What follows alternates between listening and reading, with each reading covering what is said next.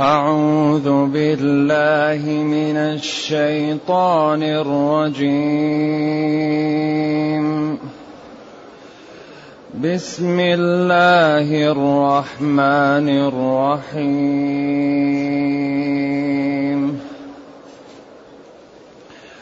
والطور وكتاب مسطور.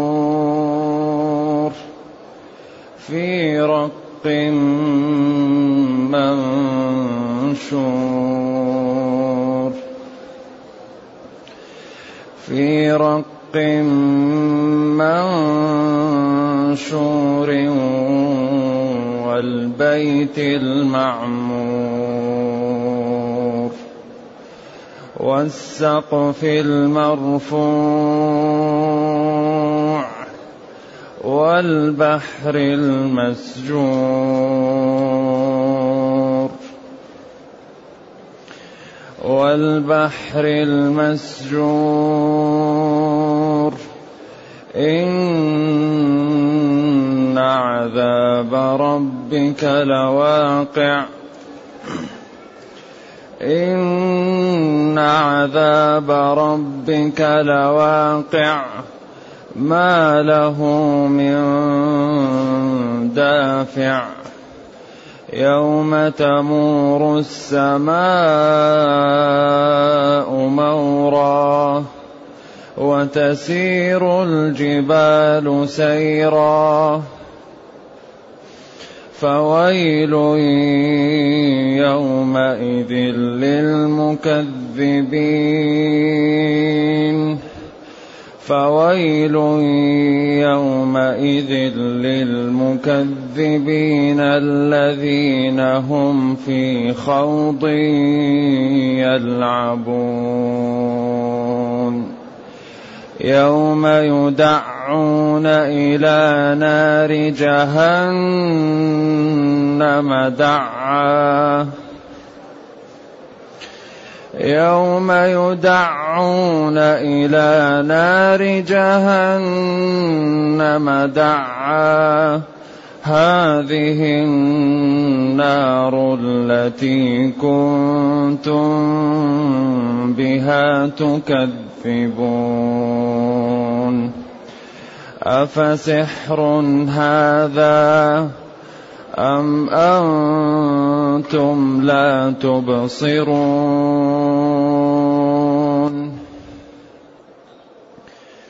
اصلوها فاصبروا أو لا تصبروا.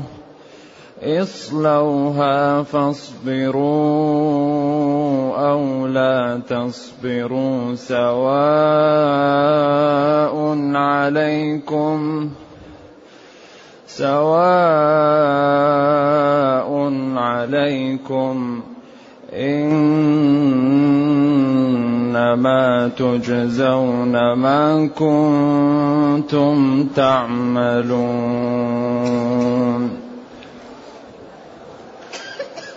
الحمد لله الذي أنزل إلينا أشمل الكتاب وأرسل إلينا أفضل الرسل وجعلنا خير أمة أخرجت للناس فله الحمد وله الشكر على هذه النعم العظيمة والآلاء الجسيمة والصلاة والسلام على خير خلق الله وعلى آله وأصحابه ومن اهتدى بهداه أما بعد فإن هذه السورة تسمى سورة الطور وهي مكية باتفاق. وتبين قدرة الله وعقوبة الكافرين ومآل سخريتهم من المتقين وتبين ما للمتقين من الكرامة. ومن الخير وتبين قدرة الله تعالى. يقول تعالى والطور والطور. بعد بسم الله الرحمن الرحيم والطور. هذا قسم أقسم الله به. والله جل وعلا يقسم بخلقه بما شاء منه. والخلق لا يقسمون إلا بالله وصفاته. من كان حالفا فليحلف بالله. من حلف بغير الله فليقل لا إله إلا الله. إذا الله يقسم بما شاء من خلقه. قال والطور والتين والزيتون والعصر والسماء والطارق. يقسم بما شاء من خلقه. لا يسأل عما يفعل. والخلق لا يقسمون إلا بالله واليمين ينعقد بالله أو بصفاته. وأمر الله أن تحفظ الأيمان. فقال واحفظوا أيمانكم. والأيمان أربعة. والله لا أفعل ويفعل والله لا أفعلن ولا يفعلن يكف يكفران. والله لقد فعلت وما فعلت. والله ما فعلت وقد فعل لا يكفران. إذا حلف على الماضي لا يكفر. وإذا حلف على المستقبل يكفر. إذا حلف على الماضي لا يخلو من أن يكون حلف على بساط يمينه فلا حنث عليه. أو يكون حلف وهو متعمدا للكذب فهذا يمين غاموس. عند الجمهور لا كفارة عليه لأنه يغمس صاحبه في النار. واليمينان اللذان يكفران إذا قال والله لا أفعلن ولم يفعل والله لا أفعل ويفعل. والشريعة جعلت المختار للمسلم أنه إذا حلف على أمر ورأى غيره خيرا منه فليكفر عن يمينه وليأتي الذي هو خير. من حلف على يمين ورأى غيرها خيرا منها فليكفر عن يمينه وليأتي الذي هو خير. وقال جل وعلا ولا تجعلوا الله أي عرضة مانعا لأيمانكم أن تبروا كراهة أن تبروا. لا ينبغي للمسلم أن يحلف الأيمان عشان ما يعمل خير. هذا قلة مروءة واحترام من الأجر. واليمين كفارة فيها تخيير الواجب المخير فيه.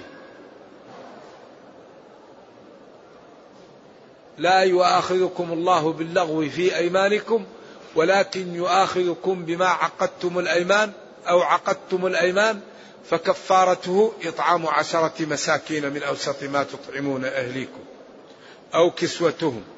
أو تحرير رقبة. هذه الثلاثة مخير فيها. فمن لم يجد فصيام ثلاثة أيام. هذه مخير فيها. إذا عجز يصوم ثلاثة أيام. ذلك كفارة أيمانكم إذا حلفتم وحنثتم. واحفظوا أيمانكم. ما يكون واحد كل شيء والله ويضيع أيمانه. لا. أما اليمين الذي يأتي على لسان الإنسان ولا يقصده هذا يسمى له اليمين ولا يلزم. لا يؤاخذكم الله بالله. لا والله بلا والله. يكون ما عقدوا ولكن بما عقدتم الأيمان. يعني يعني كان فيه نية بالحلف فهذا الدين دين رائع الحقيقة. يعني وكل مشاكلنا محلولة فيه. وكل قضية مبينة بأجمل طريقة لكن نحتاج أن نعطيه الوقت لنفهمه. إذا يقول جل وعلا والطور والطور. قسم. للعلماء في الطور قولان. هل هو الجبل الذي كلم الله موسى من عنده؟ طور السنين أو الطور كل جبل عليه خضرة يقال له الطور. والجبل الذي عليه خضرة جنس قولان للعلماء. ولا سنة تبين. وكتاب مسطور. للعلماء في الكتاب أقوال. القول الأول أنه القرآن. القول الثاني أنه اللوح المحفوظ. القول الثالث أنها صحائف الأعمال. وقد استظهر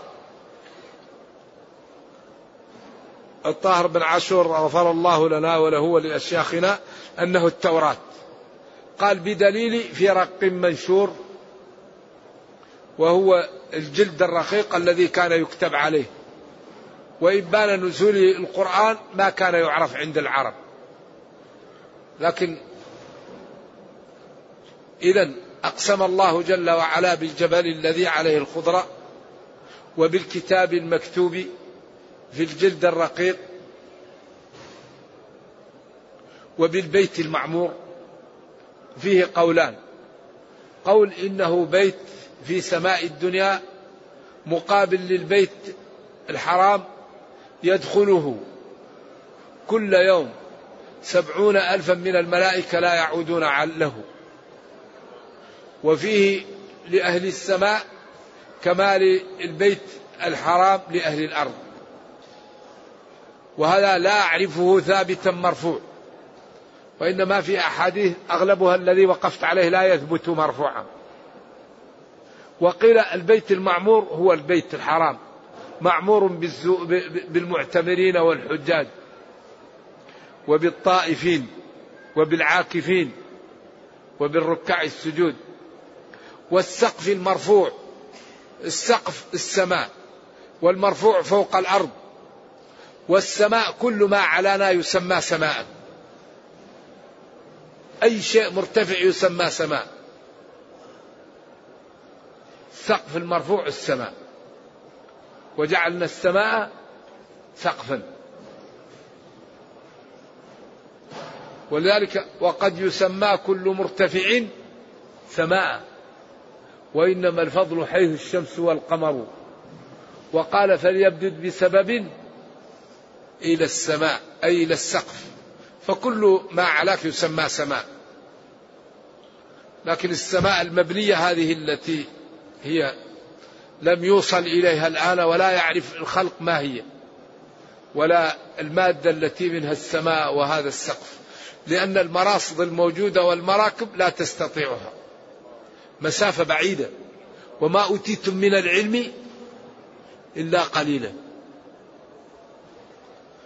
والسقف المرفوع والبحر المسجور. في المسجور ثلاث أقوال. البحر معروف الماء الكثير. المسجور المملوء. المسجور المولع. المسجور المفرغ. المسجور الذي فتح بعضه على بعض. كل أقوال للعلماء. ولا بيان من النبي صلى الله عليه وسلم. إن عذاب ربك لواقع. هذا هو الجواب. إن عذاب ربك لواقع. لأن القسم لا بد لهم جواب. والله هذا قسم. لكن إيش المقسم عليه؟ إن عذاب ربك لواقع. إن توكيد عذاب ربك. عقوبة ربك. لواقعة لواقع عذاب الله على من؟ على الكفار على المجرمين على العاصين على الذين لا يمتثلون أوامر الله على الذين ينتهكون نواهي الله على الذين لا يخافون من الله على الذين يظلمون خلق الله على الذين يتعاملون بالحرام لا يبالون لعل ربك لواقع على على على المجرمين ما له من دافع ما له من أحد ولا شخص ولا إنسان ولا قوة تدفعه عنهم لأن الله تعالى أراد لهم ذلك وإرادة الله واقع لا محاله. طيب أبعد هذا البيان ما ينبغي للعاقل أن يعتبر وأن ينتبه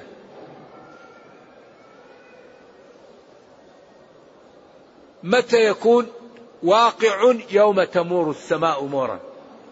تمور تذهب وتأتي تمور تضطرب تمور تنقلب تمور تتحرك. وكل قيل وكل جائز في اللغة. تذهب وتأتي تضطرب تتحرك تنقلب. مورا تحرك. وتسير الجبال سيرا. تكون كالعهن المنفوش وتتشقق السماوات ويختل نظام الكون. فويل يومئذ للمكذبين. ويل هلاك ويل عذاب ويل عقوبة ويل دعاء ويل تهديد. يومئذ تمور السماء مورا.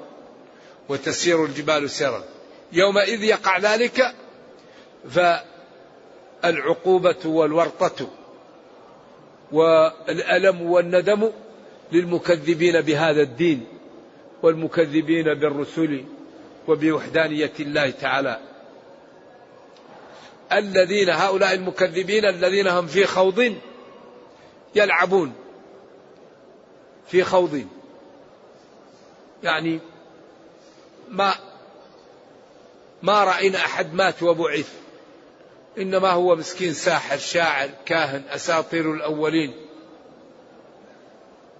يسخرون إن كانوا عشرة أنا أكفيهم وياه. نحن أعطانا في الدنيا كيف يحرمنا في الآخرة؟ يسخرون ويلعبون ويكذبون. اذكر يا نبي يوم يدعون يدفعون. إلى نار جهنم دفعا. يوم يدعون دعه إذا دفعه بقوة. لكمه ودفعه دفعه. دفعا. دعا يعني دفع بقوة. ويقال لهم هذه النار التي كنتم بها تكذبون. هذه النار التي كنتم بها في الدنيا تكذبون. ما فيه نار. هذه كله يعني لعب وسخرية ويريد أن يسيطر عليكم وفيون الشعوب. أفسحر هذا؟ كما كانوا يقولون في الدنيا ساحر. هذا سحر أم أنتم لا تبصرون بأعينكم حقيقة الأمر؟ إذا اصلوها. اصلوها. وهذا التعبير عجيب لأنه هنا ادخلوها لكن لما كانوا يدخلوها كأنهم يصلوها وهي التي تصليهم. والصلي الشوي. ادخلوها لكن أنتم المصليون فيها. وبعدين يقال لهم اصبروا أو لا تصبروا. ليس هذا محل خيار ولا محل لا. إذا صبرتم وإذا لم تصبروا لا مناص لكم من العذاب والعقوبة. اصلوها فاصبروا أو لا تصبروا. هذه العقوبة لا مناص لكم عنها. سواء عليكم إيش؟ إنما تجزون ما كنتم تعملون في الدنيا وهذا الحقيقة الموقف ينبغي للعاقل أن يتأمله وأن يحذر منه. ولما أنهاه بدأ بالشريحة الأخرى وهذا دائما عادة القرآن. كل ما ذكر جانبا من جوانب الشريحة التي فسدت يقابلها بالشريحة التي استقامت ونجت لتبقى الأمور واضحة عند العقلاء. المهم أن هذا الكتاب بين لنا ما نحتاجه. فينبغي لنا أن تكون لنا صحبة مع كتاب ربنا. أوامر نفهمها ونمتثلها. نواهي نفهمها ونجتنبها. أحكام نعلم تفاصيلها ونعمل بها. النجاة النجاة.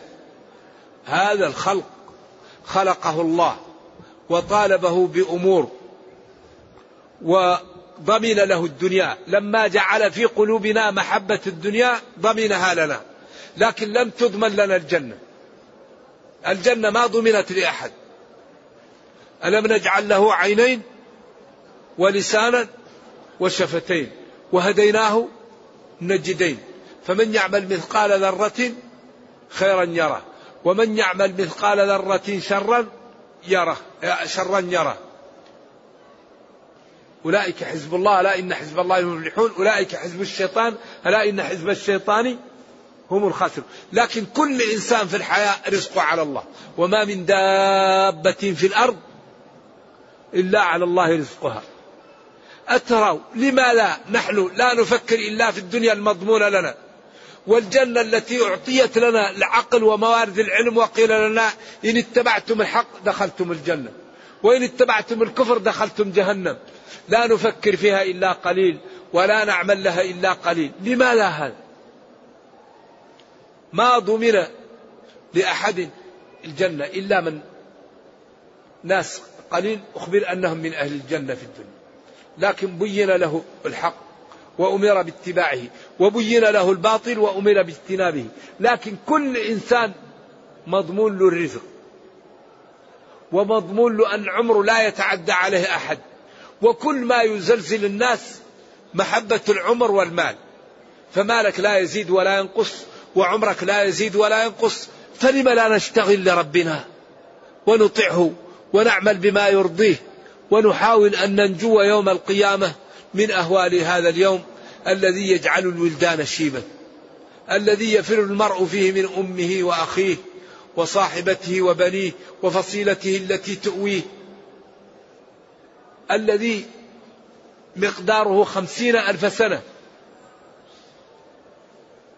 الحقيقة لا عذر لنا بعد هذا الكتاب لا عذر لنا.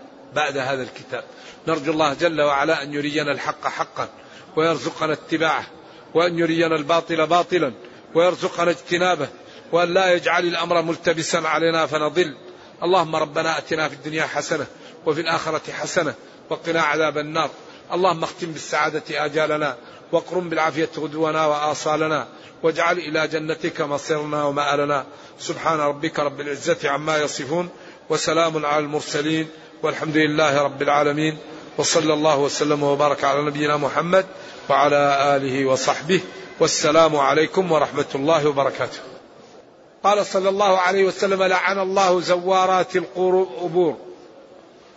وقال في لفظ آخر زائرات القبور. ما الفرق بين اللفظين؟ الفرق بينهم أن زوارات كثيرة الزيارة وزائرات التي تأتيهم. والعلماء اختلفوا في زيارة النساء للقبور. فجلة من علماء المالكية والحنابلة قالوا إن النساء لا يجوز لهن زيارة القبور لأنهن ضعيفات ولأن النبي صلى الله عليه وسلم قال لعن الله زوارات القبور لعن الله زائرات القبور.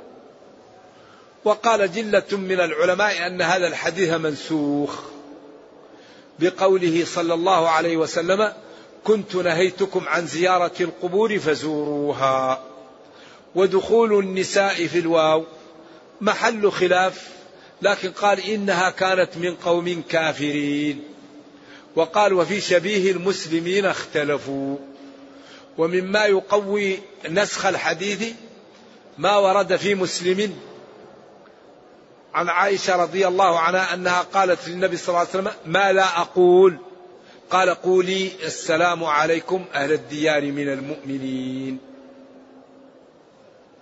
ونبينا مر بامرأة تبكي عند قبر فقال لها اصبري والحديث الصحيح. فقالت له إليك عني. فلما أخبرت أنه رسول الله صلى الله عليه وسلم جاءت تعتذر قال لها إنما الصبر عند الصدمة الأولى. والمالكية في جل والحنابلة رضي الله عن الجميع قالوا إن المرأة ضعيفة وأنها إذا زارت القبور لا تخلو من نياح وصياح وأمور لا تنبغي فلذلك منعوها من الزيارة دفعا للمفسدة والله أعلم. نعم. ما حكم صلاة ركعتين بعد الأذان الأول في صلاة الجمعة؟ هذا يترتب على العلة. ما بين كل أذانين صلاة. لكن هل هذا كان أذان؟ هل هذا كان في زمن النبي صلى الله عليه وسلم؟ فمن رأى أن بين كل أذانين صلاة يصلي. ومن رأى أن هذا ليس أذان وإنما هو شيء لإعلام الناس يقول لا صلاة فيه. ف, ف, ف آه، الركعتان يعني تضبط بهل في الجمعة. أذان أول وأذان ثاني يكون بين كل أذانين صلاة. أو الأذان في الجمعة لا يكون إلا إذا جلس الإمام على المنبر وأن هذا الأذان أصلا كان عمله عثمان على الحزورة ليأتوا الناس. أنا أقول الله أعلم. نعم. شخص اتفق مع آخر على مبلغ مقابل تأشيرة. ولكن التأشيرة كلفت أقل وأخذ المبلغ المتبقي فالزيادة حلال أم حرام؟ المؤمنون على شروطهم إذا كانت الشروط حلال. نعم. إذا قال له اعمل لي تأشيرة ونعطيك مالا للسعاية والجباية فكلفت التأشيرة أقل من هذا فهو له. وإن كلفته التأشيرة أكثر من هذا فهو عليه. وإن قال له أعطيك تكلفة آه، التأشيرة ولك مبلغ زيادة محدد فما زاد عن التأشيرة يرده عليه. المؤمنون على شروطهم. يا أيها الذين آمنوا أوفوا بالعقود. ولذلك ينبغي لكل متبايعين أو متعاقدين أن يوثقوا ما بينهما بالكتابة وبالشهود. حتى تقل الخصومات. ولا تسأموا أن تكتبوه صغيرا أو كبيرا إلى أجله. ذلكم أقسط عند الله وأقوم للشهادة وأدنى أن لا ترتابوا. ما أجمل هذا الدين. دين رائع. فينبغي لأي إنسان يتعامل مع أخيه يكتب ويشهد. حتى يبقى كل واحد سليم وبريء لأن الإنسان ينسى والإنسان ضعيف.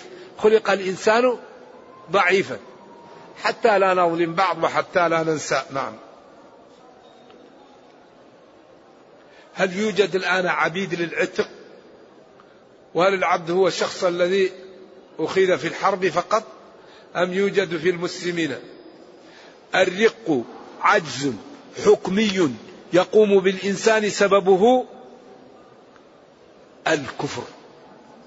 لا رق في الإسلام إلا بسبب الكفر.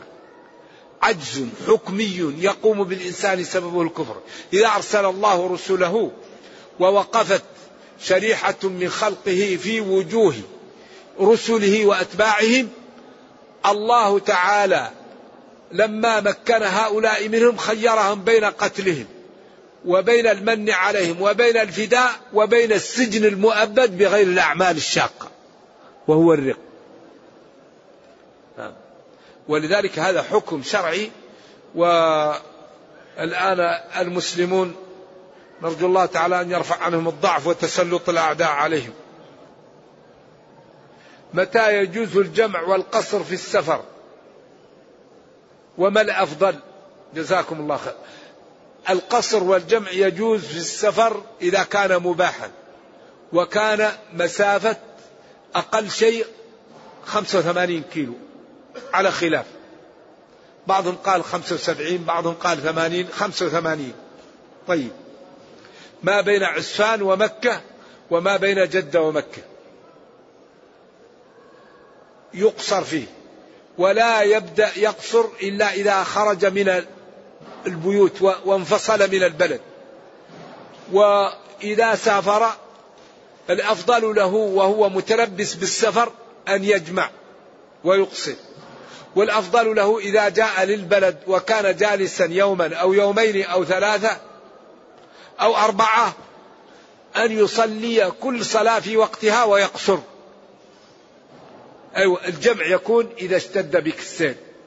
إذا اشتد بك السير فإن كانت الصلاة وصلت أجمعها مع الثانية إذا كان حضر الوقت. الظهر تريد أن تسافر وقت الظهر أجمع معها العصر. تريد أن تسافر وقت المغرب أجمع معها العشاء. تريد أن تسافر قبل المغرب. وجاءك المغرب وأنت في السفر أخرها واجمعها مع العشاء.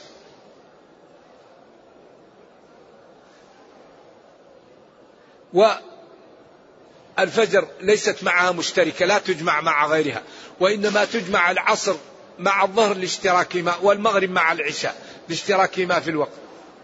أيوة وعند الأحناف لا جمع إلا في الحج. لأن الصلاة لا تصلى وقتها ويقول الجمع جمع صوري يصلي هذه في آخر وقتها وهذه في أول وقتها. والجمهور أحاديث صحيحة في الجمع. فإذا جاء المطر وجاء الخوف وجاء المرض فيجوز الجمع من غير قصر. جاءنا مطر جاءنا خوف جاء الواحد مرض يجوز له الجمع أيوة لكن لا يقصر. والله أعلم. إذا سأل طالب شيخا عن مسألة فقال له مثلا الحنابلة يرون كذا والشافعية كذا والمالكية كذا ولم يرجح له فهل له اختيار الأيسر منهم؟ نعم له أن يختار ما يراه. ما دام إذا ما دام ما يلفق مسائل سهلة له ما دام أخبر أن هذه مذاهب للعلماء ولم يقل له لكن إذا كان السائل عاميا ينبغي أن تقول له ما تراه. راجحا. فإذا لم يترجح عندك شيء تبين له تقول للعلماء قالوا وأنا ما عندي ترجيح أنت اختار لنفسك. لكن هذا لا ينبغي لأنك تورط الإنسان مسكين وخصوصا غير المتعلم. يقول في حديث الثلاثة الذين خلفوا أن كعبا جاءه كتاب من ملك غسان يدعوه. فقال لكعب فسجرت به التنور أي أوقدته به. ألا يرجح هذا القول بأن المسجور المتقد؟ وسجرت الإناء إذا ملأته. وسجرته إذا فرغته. كله لغة كله صحيح. ما, ما لا يجعل هذا غيره. لا كله جائز.